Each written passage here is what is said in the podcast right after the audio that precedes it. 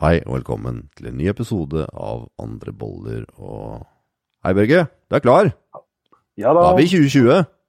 Nå er vi plutselig og brått i 2020. Det er deilig. Brått og uten forvarsel. Ja, det er deilig. Ja, ja.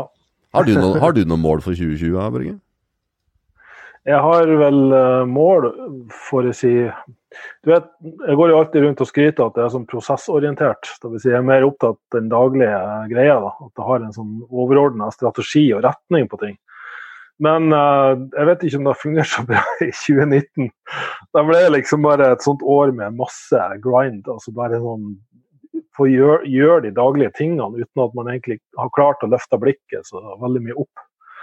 Eh, Så, så målsettinga er jo absolutt veldig fint. Um, eh, så, så OK, kanskje litt vanskelig spørsmål. Et, et overordna mål jeg har hatt i mange år, er jo kontinuerlig oppdatere meg og holde meg på topp kunnskapsmessig.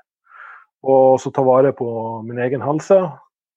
Og for at jeg skal både kunne eh, prestere i den rollen jeg har, eh, i både firmaet jeg jobber i og som autoritet på kostal trening og mental helse. Men ikke minst at nå begynner sønnen min virkelig å få en personlighet. Og trenger en klar rollefigur, og da er det bare mer mer åpenbart at nå hjelper det ikke å dulle rundt noe mer. Altså, nå må man liksom Jeg rammer nå, Børge. ja, og det interessante er jo at en ting er grensesetting overfor han, men jeg får jo direkte feedback når jeg har uklare grenser overfor meg sjøl. Når jeg sitter for lenge på, med øynene på en skjerm, hvis jeg ikke er helt oppmerksom og til stede, så er det, det er direkte han river og sliter og, og blir sint, liksom. Så, så jeg har min egen lille sånn eh, ja, er deilig. Holde, holde meg litt jorda i bakken, da, får man si. Så, så jeg, jeg tenker jeg, jeg har det her som utgangspunkt.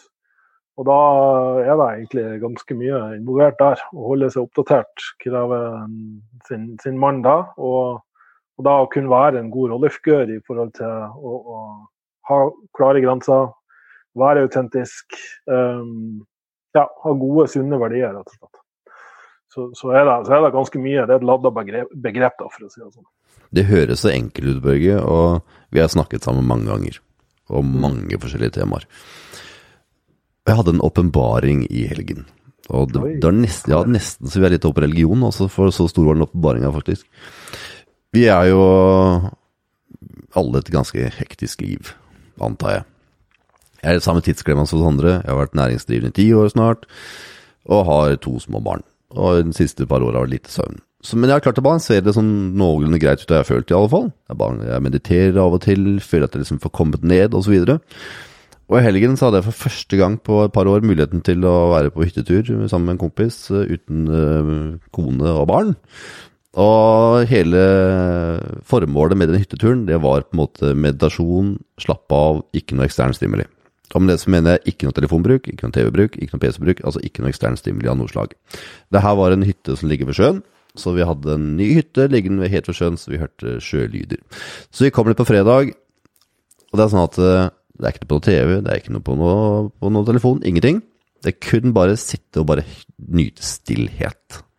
Og det som nemlig da overraska meg litt, var at noe som virka som hadde gått fire timer, var plutselig en halvtime. Og sånn Oi, har det ikke gått lengre tid? Hva skjer? Og dagen etter så, så begynner jeg å måtte tøye mye ut. Vi tøyer det flere ganger om dagen, for vi er veldig sensitive begge to. Så mye uttøyning. Og da skjer det at jeg får en sånn euforisk følelse mens jeg tøyer ut. Det er sånn at det bare rusher sånn happy feeling, vet du. Og sånn, ho, ho! Jeg smiler for jeg skjønner egentlig ikke hva som skjer. Jeg kjenner bare sånn rushende følelse av glede i kroppen. Ja. Og så skjer det noe veldig interessant. Og da merker jeg at oi, nå har jeg landa. Etter ikke noe ekstern stimuli, tøyd mye ut og veldig lite prat og, og spist og sånn, så har jeg kjent at der har kroppen kommet ned. Og der jeg trodde at jeg var rolig, var ikke rolig i det hele tatt. Det var kanskje midtpunktet av åtte av ti, men da jeg virkelig kom ned, da kjente jeg at oi. Og da kan bli tankeprosessen helt annerledes også. Man får mer oversikt over handlingen man gjør. Man kjenner mer på kroppen sin. Man får mer opptak av hvilke følelser man kjenner på. Det er ganske stor forskjell å være midtlinja litt høyt oppe kontra bare komme helt ned, altså. Så spørsmålet mitt til deg, Børge. Hvor ofte er det du er så langt nede? Du er så langt nede i energien at du slapper av, men ikke i humør. ja, det er jo Det har med referansepunkter. For har man ikke vært der, så vet man ikke hva det innebærer. Um, fjoråret hadde en del perioder der jeg følte at det klarte det. Uh, spesielt da når jeg avslutta Soulspring Masterclass og fikk uh, Vi bruker liksom hele uka med meditasjon og reading og, og liksom da virkelig ja, koble ut fra både jobb og familie og alt det der. Uh, men den opplevelsen du snakker om her, den, den har jeg litt sånn til gode, ja. Og det, det, kan jeg egentlig bare forestille meg. Jeg vet jo også, Vi har jo hatt Stian Nikolaisen på podkasten, og han hadde vel vært på en sånn silent retreat. Ja, da du bare går ti, eller fire eller ja, ti dager i stillhet, ja. jeg vet ikke. Aldri bedre enn meg. ja, ja. Men da er du rett og slett også både skjerma for stimuli, men, men, også stimuli i forhold til at du har, en, du har ikke noe samtale med andre engang. Så um, Jeg tror vi trenger det, Børge. Ja, det var faktisk uh, veldig godt innspill du kom med der. Uh, det, det, er jo absolutt noe. Uh, som vi snakka om så vidt der, jeg skal jo på ferie nå. Men du vet, ferie for meg har vært i mange år, og fremdeles har med Mac og telefon. og svar på mail, og vi må ha litt Skype-møter. og Du skjønner, det, det, er liksom vanskelig å ta helt fri, da. Jeg hadde én eller ja, jeg vil si en dag i jula, altså mellom jul og nyttår, der jeg følte at jeg også fikk koble helt ut. Uh, der jeg liksom bare var alene hjemme og sånn. Og i stedet for å sette på Netflix eller uh, sitte på Mac-en, så bare la jeg fra meg alt, og så bare var jeg helt, helt alene, helt stille. Så, og deilig. Det er kjempedeilig, altså. Det, det er liksom snakk om de to-tre timene der. Uh, men, men, ja, som sagt, det å ha den der med og kunne reise på hyttetur og var i frisk luft og, og, virkelig var borte fra alt over en lengre periode. For, for um, den tida det tar å komme ned dit, er jo ulik for alle. Så Avhengig av hvor anspent du er i hverdagen, jo lengre tid vil det nok ta før du klarer å koble helt ut. Før du klarer å slippe spennet helt. Så um, jeg har, eh, La meg legge deg til i, i den underkategorien av det å ta vare på meg sjøl, for det var faktisk et veldig godt tips. Ja, for det var, det var nemlig For det første, Børge, så tror jeg vi skal begynne å tilby det her som en tjeneste.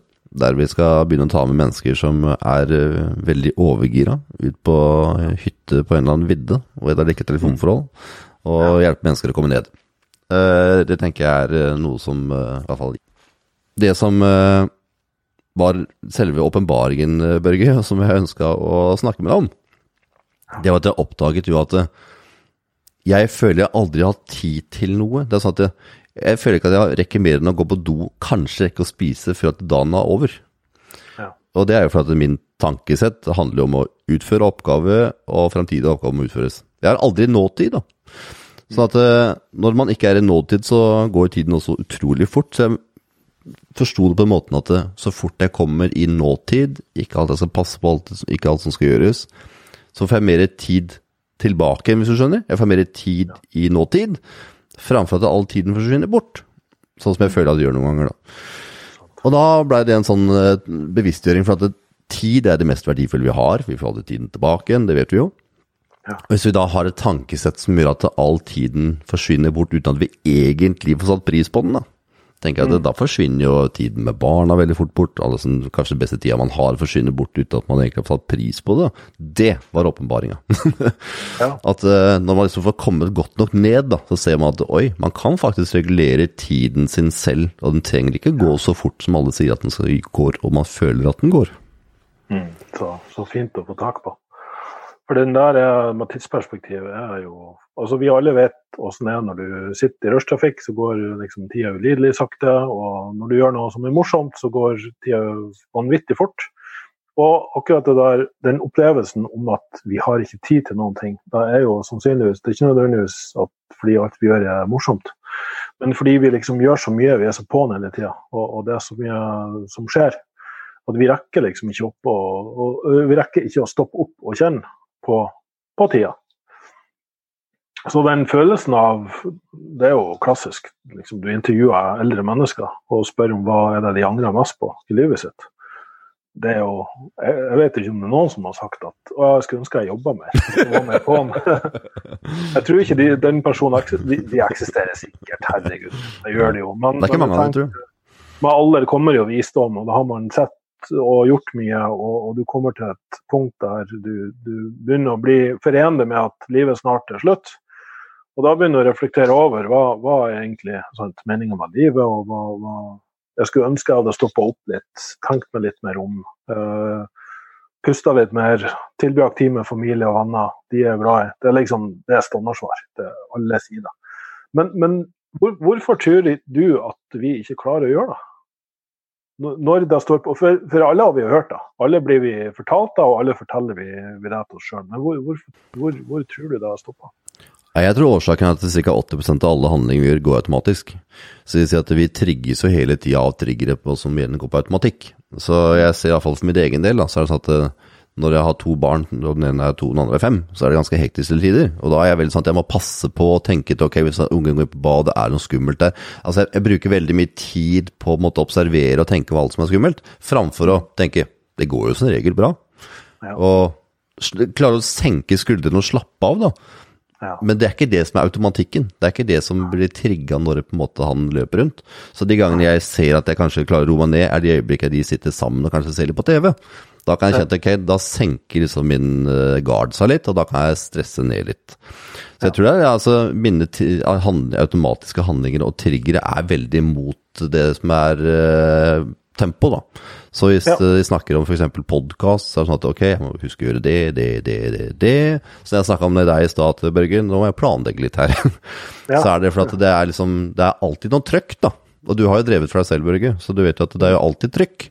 Ja. Jeg tror at de, alle de automatiske tingene vi gjør der, da, som gjør at vi kanskje sier til oss selv at nei, jeg må heller svare på mailen der kontra og kanskje meditere en halvtime. Jeg tror det er prioriteringen da, som skjer på mm. automatikk. Ja, jeg skrev jo en sånn nyttårsartikkel eh, og prøvde i hvert fall å være litt annerledes og skrive mer om både vaner man har. Da er man innarbeider vaner på å skal spise bra og trene bra. og sånn. Enkelte vaner må du liksom gjøre, du må repetere det lenge nok til at det blir en en rutine. Da. 66-120 dager, avhengig av intensitet. Ja. Og da gjelder jo mentale vaner også, ja. hvordan du tenker. Vi, vi, tenker ja, det der med å liksom tørke seg riktig vei når du er på do og pusse tennene, liksom, det er jo sånn det, det, er vaner du gjør, men vaner du tenker. Hva, hva, hvordan, har, har, du noe program på det? Har du et mentalt fitnessprogram? Så, så for, for det, delvis er det jo det med at du må, du må begynne å tenke annerledes, og så må du trene opp. en tankeplan? Du må ha en tankeplan. Vi har snakka om det her tidligere, og, og, jeg tror det er veldig få som gjør det. Jeg har ikke vært god nok på det sjøl, skal jeg innrømme.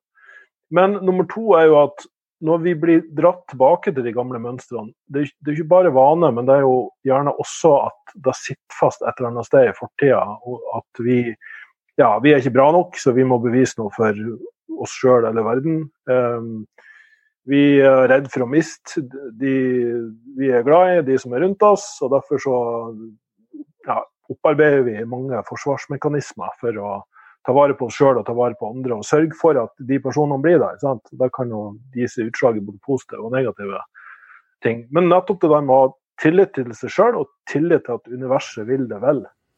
Oh, den der må vi snakke om. Den der, må, ja. den, den der må vi ta tak i med en gang. For ja. det her er nemlig noe jeg har observert mange ganger. Det at eh, hvis vi kaller det for universet, da, eller uh, tilfeldigheter som skjer, eller hva som er meninga, eller hvilken vei vi skal ja. gå, eller alle de begrepene rundt det, da, så har jeg observert en ting. Det er at mange ganger så har jeg tenkt samme tanke som deg, at ja, universet det legger vel til rette for at det her skal gå i orden. Og så har jeg nemlig gjort den erfaringa her det at det virker som at universet, i hvert fall i mitt tilfelle, det legger til rette for at jeg skal lære noe.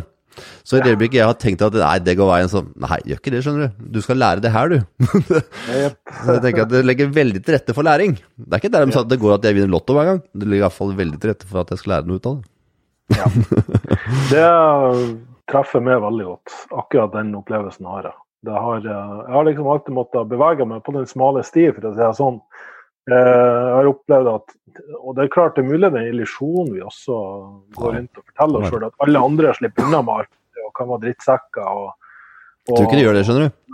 sånn. Nei, jeg tror nok før eller senere så er det enkelte ting som slår tilbake på det. Men hvorvidt du velger å forholde deg til eller ikke, det er vel kanskje der det skiller litt. da. At noen tilsynelatende slipper unna med det, i hvert fall en periode, men at de blir innhenta av det til slutt, det, det er godt mulig. Men jeg har i hvert fall fått, jeg må jo si, både på godt og vondt, fått umiddelbar feedback hvis jeg har gjort ting som er litt på kanten. Så, så, og det er klart, da, da, da, er jo Det er veldig mye læring i det. Og så opplever man oi, det er urettferdig og sånn. at Hvorfor skal ikke jeg liksom kunne ha, ha noen svin på skogen uh, uten å liksom alltid må bli tatt for det, liksom. Så, ja. Blir tatt med buksa ja. nede, Børge? Ja, nei, ikke altså. Hvis man skal begynne å se stort på det, så er det jo egentlig ganske sånn bagatellmessige ting. Men du vet, jeg har jo også jeg, jeg pleier alltid å bli påminnet liksom min bestemor som var veldig sånn at du skal aldri lyve, du skal, aldri, du skal alltid fortelle sannheten. Og da er det sånn, da, da skjærer det seg inni meg hver gang at jeg bare er fleksibel med sannheten, for å si det på den måten. Uh, så en hvit løgn er egentlig bare en løgn for, for mitt vedkommende. Selv om det går ut på at man skal skjerme noen eller uh, sant. Så, så de siste årene av mitt liv har, har mye mer blitt prega av at uh, jeg, jeg, er mer direkte og ærlig og åpen med, med, hva jeg mener, hva jeg føler på, og hva jeg syns om det som blir sagt og gjort. Og, og da er jo selvfølgelig tøft å stå i innimellom fordi det er ikke alle som tar det like godt. Det må til, tenker jeg.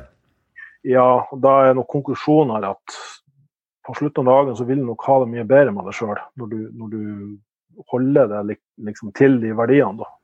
Jeg tror vi har laget et sånt bomullssamfunn, føler jeg. Og min tanke for 2020, Børge, det tenkte jeg skulle dele med deg nå når det gjelder podkast. Det tenker jeg at vi kan eh, være litt eh, Ikke litt, må slutte med litt. Være ærlige, være direkte, og slutte å pakke alt inn. For det er at jeg tenker at hvis man eh, tar seg veldig støtt av ting, eller føler at uff, dette, nå ble det støtt, så sant vi holder oss innafor det som er normalt, da, selvfølgelig. Så tenker jeg at man kan si det at vet du hva, livet er faktisk urettferdig, altså. Det er sånn at noen har faktisk uh, kanskje finere ting enn deg, og noen ser mm. bedre, bedre ut enn deg òg. Det er, livet er ikke rettferdig. Og man må gjøre det beste ut av det. ja, det er nok sånn det er designa. Virkeligheten ja. er designa sånn. Så det, det, hjelper liksom ikke å gå og bruke masse tid og energi på å synes at det her er urettferdig. Jeg tror nok det er der man blir innprenta av media og filmer og sånn at mm. det går bra til slutt, og alle får prinsen, og alle sånn, altså. blir rike. Og... Nei, nei, nei. Jeg ser, det begynner, ser det begynner i barnehagealder, for nå er jo den eldste sønnen min er jo nå over fem år. Og jeg hører at det er til stadighet så kommer man at ting er urettferdig. Uansett ja. nesten hva det er. Og jeg prøver da å forklare at eh, livet er ikke rettferdig. Altså noen ganger så får noen andre mer enn det du får. Og jeg tenker at eh, når eh, det er sånn at alle skal vinne når de er med i en konkurranse, ja. så lærer de ikke heller at ting er ikke likt. Man må liksom lære det. Jeg tenker at det blir Hæ? Nei, og da vil, det vil være noen tapere. Det, det er jo sånn. Da må bestrebe seg å bli flinkere. og Da er det sikkert noen foreldre som kommer til å synes at jeg er helt på jordet. Jeg skal bare si i hvert fall sånn som jeg tenker om det. Det er at mm. det er en kamerat som han har ofte, forholdsvis ofte på besøk. Mm. Og han er veldig flink til å rydde, han som er på besøk. Og da er det sånn at uh, nei. Ja, nei, nei. Det var intern spøk. Nei, det er absolutt ikke det. Og han er veldig flink til å, å rydde, og da er det sånn at eh, da har han fått noen penger for at vi da skal Det er det de får noen ganger som premie, da. For å lære seg at når man gjør en god jobb, så får man betalt for det. Mm. Og da har han noen ganger fått mer betalt enn det han andre har fått. Og da blir det selvfølgelig han syns det er urettferdig, men det er forklart som så at den som jobber best, får også mer betalt. Så vet du at neste gang han har besøk, så vet du at ok, hvis du også jobber like hardt som det han gjorde, så kan du også få like og betalt, du også. For det som nemlig var greia her, at eh, han som på besøk, han rydda nesten alt, og andre gjorde nesten ikke noe i det hele tatt. Og da tenker jeg at da er det ikke riktig at det skal få likt betalt, hvis du skal tenke hvordan det er i livet. Du må lære det tidlig at vet du hva, skal jeg få noe her i livet, så må jeg faktisk jobbe for det. Og så får vi jo den største opplevelsen av belønning når den kommer sporadisk, uventa og ikke nødvendigvis i forhold til innsats, eller hvor flink du er. Mens det liksom vektlegges mye i Kanskje overdrevent mye i sport og på skole og barnehage. Sånn at du skal liksom alltid få belønning når du gjør noe bra. Typ. Men jeg tenker nok det er sunt allerede i tidlig alder å bli lært at det er ikke sikkert du alltid får belønning for det du gjør. Av og til så må du bare gjøre ting, og, Absolutt, og det er ikke vanlig at de får det her heller, men innimellom så er det sånn at vi gir litt belønning for at da ser du at du har jobba, så får du noe. Så er det sånn at der prøver å finne balanse på det, da. Man skal ikke alltid få det, men av og til, så kan det, uten at du egentlig vet om det, så kan du få en belønning. For jeg tenker at det, Nå går vi over litt til barna, men jeg tenker at det handler om voksne, det her òg.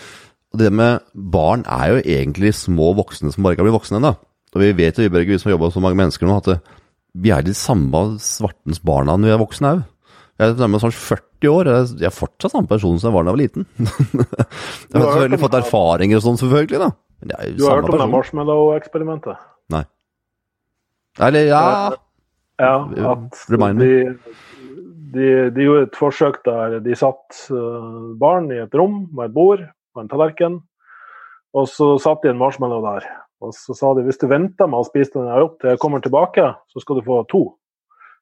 Ja, og så så de liksom forskjellen på at det var noen som klarte å vente, mens noen spiste marshmallow. Og enten innrømte eller løy at, om at de hadde spist den. Litt alt ettersom. Men det interessante her er jo ikke hvorvidt at fordi barn kan jo gjøre sånt, men eh, det var hva som skjedde i voksen alder med de personene her. Og de som hadde vært i stand til å vente med belønning, dvs. Si sitte der og vente og ikke gjøre noe, og så heller få mer belønning etterpå, de gjorde det generelt sett bedre i voksen alder på alle mulige områder. Så den evnen også til å, til å utsette belønninga til å ikke alltid få belønning, den, den tenker jeg det kan være på tide for voksne folk også å begynne å lære seg opp til å tåle. Ja, for nå tror jeg vi med sosiale medier og alt at vi nå får så veldig mye input hele tida for stimuli, og vi får liksom all den stimuli, og så legger vi ut eh, post på Instagram som vi liker, og vi, altså, åh, alle liker oss nå om dagen. Og så fort det er noen som ikke liker oss, oi, hva er gærent? Ja. Da blir det helt krise. Fikk ikke nok likes, hva skjedde? Ja, ja men det er jo sånn. Ja, ja. Um, og jeg opplever også det her selvfølgelig med, med, med coachingprosessen med kunder, mm. der du Jeg tenker i hvert fall du merker det. Ja, altså noen følger programmet, og så går jo framgang i rykk og napp. Av og til så går du litt ned eller litt opp i vekt, og da virker det ikke som det har noe eh, nøyaktig sammenheng med hvor mye eller lite du spiser av og til. Kroppen bare kan finne på å gå opp i vekt selv om du spiser ekstra lite osv. Eh, og det samme med trening, at du kan trene så strukturert og korrekt og følge programmet så nøyaktig du bare vil, men av og til så stopper det opp, eller så stagnerer du. Og plutselig går det oppover når du tar helt fri osv. Um, men du merker stor forskjell på, på de som har størst suksess, er de som faktisk bare igjen da koser seg med selve prosessen. Det spiller ikke noen rolle om at de får den umiddelbare valideringa på at de gjør noe riktig hele tida. det er ikke så mye sånn masing hver uke om at gjør ting riktig nå. Jeg kan ikke forstå at det har gått opp i vekt når jeg skulle gå ned i vekt osv. De er mer sånn, de har tålmodighet og de er liksom innstilt på at nei, men vet du hva, det her er en livsstil, det her er noe jeg skal bare gjøre. Eh, Ikke bare i løpet av de fire ukene vi jobber sammen, men eh, de neste årene liksom, av mitt liv. Og da er det de som har sjekka inn da, etter to-tre år senere. Eh, De som har hatt best fremgang, er uten unntak de som også hadde den evnen til, til å være tålmodige, og ikke nødvendigvis få en umiddelbar bekreftelse. Ja, det er en reminder, og vi har vært veldig flinke, Børge, syns iallfall jeg, til å komme med veldig mye matnyttig informasjon i de podkastene her. Du kommer alltid med noe kan spise det, og du kan trene det. Veldig mye sånn håndfast informasjon. Håndfast informasjon, Børge, syns jeg er kjempebra. Jeg tenker også at det er veldig bra å skape refleksjon.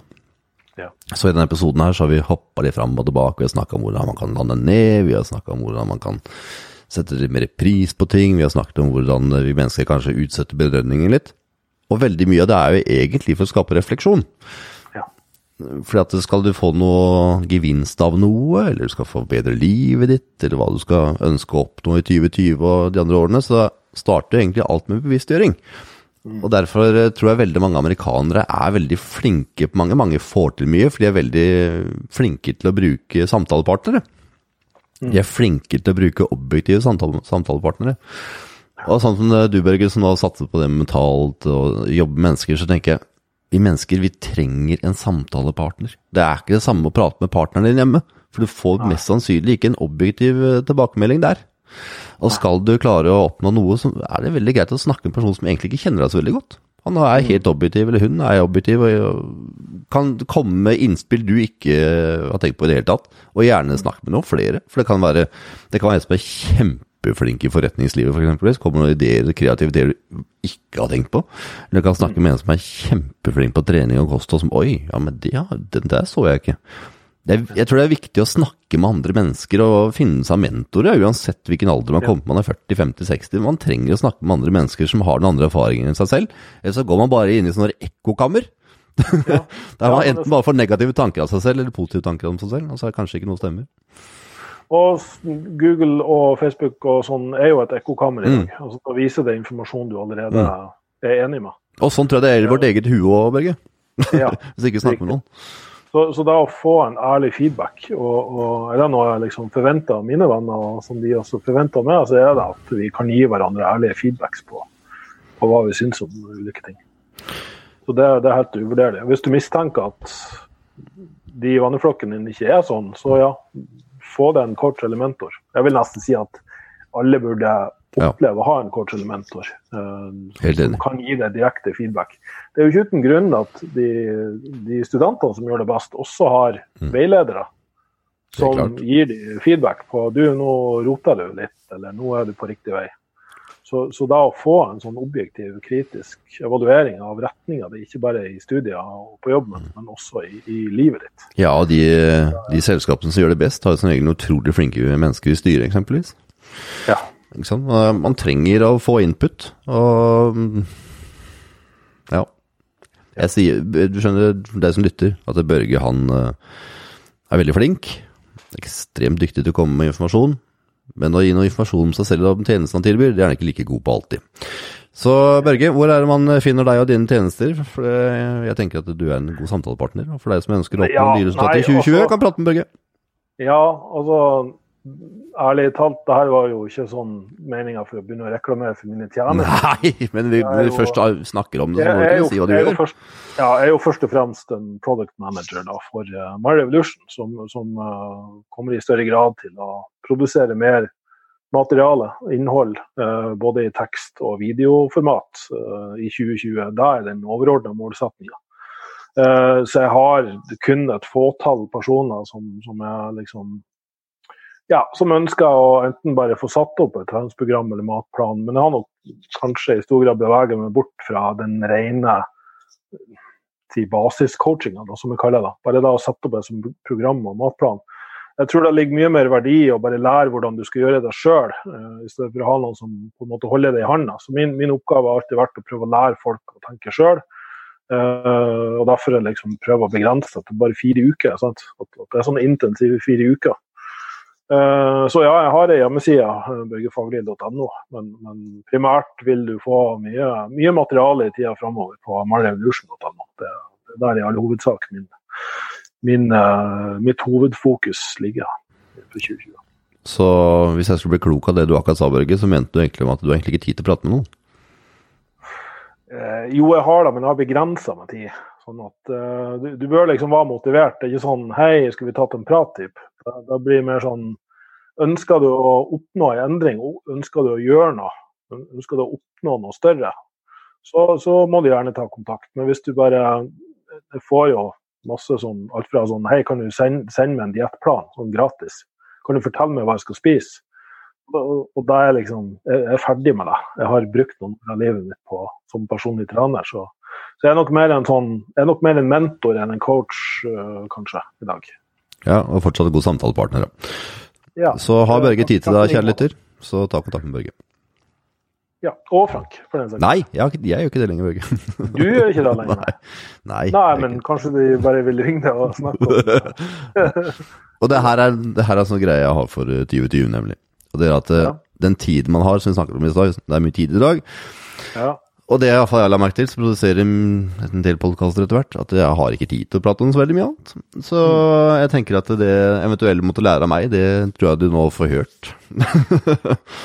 og ja. Men da, da, er vi jo veldig synkronisert på akkurat det. Ja, synkronisert er vi, Børge. lik retning, uh, sånn sett. Det, og, altså, jeg, jeg, trives jo veldig godt med å snakke med mennesker, for all del, men um, Jeg finner tida til alt, da. Ja det, ja, det tar tid. Og, og, for å kunne nå ut til mange nok med å liksom dele det glade budskap, kaller jeg det. Det er ikke alltid så, så, det er ikke så glade budskapet. Det kan være litt sånn uh, tøff, tøff love. Uh, tough love. Men det, vi liker det. ja, så, så, må det nok i større grad få oss ut på en større plattform, liksom, sånn at mange kan få ta del i det. Sånn som den podkasten her. Godt eksempel på det. Prøve å dele litt sånn visdomsord her og, og snakke litt i, i store ja. trekk. Det er vi flinke til. For deg som uh, hørte på, så håper jeg at du fikk noen refleksjon ut av dagens episode. Og grunnen til at jeg dro inn på det med Børge og hans tjeneste på slutten, er litt for å skape refleksjon rundt det også. Kanskje du er en person som uh, sier ja til alt. Når noen spør deg så ja, ja, ja, og så plutselig så står du ikke har noe tid til deg selv i det hele tatt. Mm. Så det med å verdsette sin egen uh, tid, sette en, sette en, pris på den og si at ok, jeg har muligheten til å bistå med det, og det har jeg ikke muligheten til å bistå med der. Eksempelvis. Mm. Vi ønsker refleksjon i dag, sånn at du kan begynne å se på hva kan du gjøre i 2020, framfor at vi skulle sitte og prate om mål og sette opp mål og de tinga her. Mm. Så hadde vi heller en episode om hvordan du kan gi refleksjon. Ja, og så er det veldig viktig kanskje å poengtere at hvis du først skal hjelpe mennesker, jobbe med mennesker, så, så er det òg begrensa hvor mange du kan ha samtidig. Hvis jeg hadde hatt 50 samtalepartnere, så klarer jeg ikke å liksom sortere ut hvem er hvem, og hva er ditt problem, og hva snakka vi om sist, og sånn. Så, så, der også har uh, siste, siste par årene blitt mye mer restriktiv med med hvor mange jeg har, altså hvor mange jeg snakker med samtidig. Kvalitet framfor kvantitet, er det ikke det? Ja. Helt, det er viktig. Ja. Så for deg som hører på, så send oss gjerne forslag til tema på podcast at myrevolution.no. Og ønsker du at vi skal ta noen gjester, eller kanskje du ønsker at vi skal komme med noen eh, informasjonsvideoer om noe spesifikt, eller informasjonsepisoder om noe spesifikt, send også det gjerne til podcast at myrevolution.no. Da vi er i en omstillingsfase som gjør at vi nå skal produsere enda mer innhold til deg som lytter. Og tusen, tusen takk for at du hørte på. Vi ønsker deg en utrolig fin dag. Ha det bra. Ha det bra.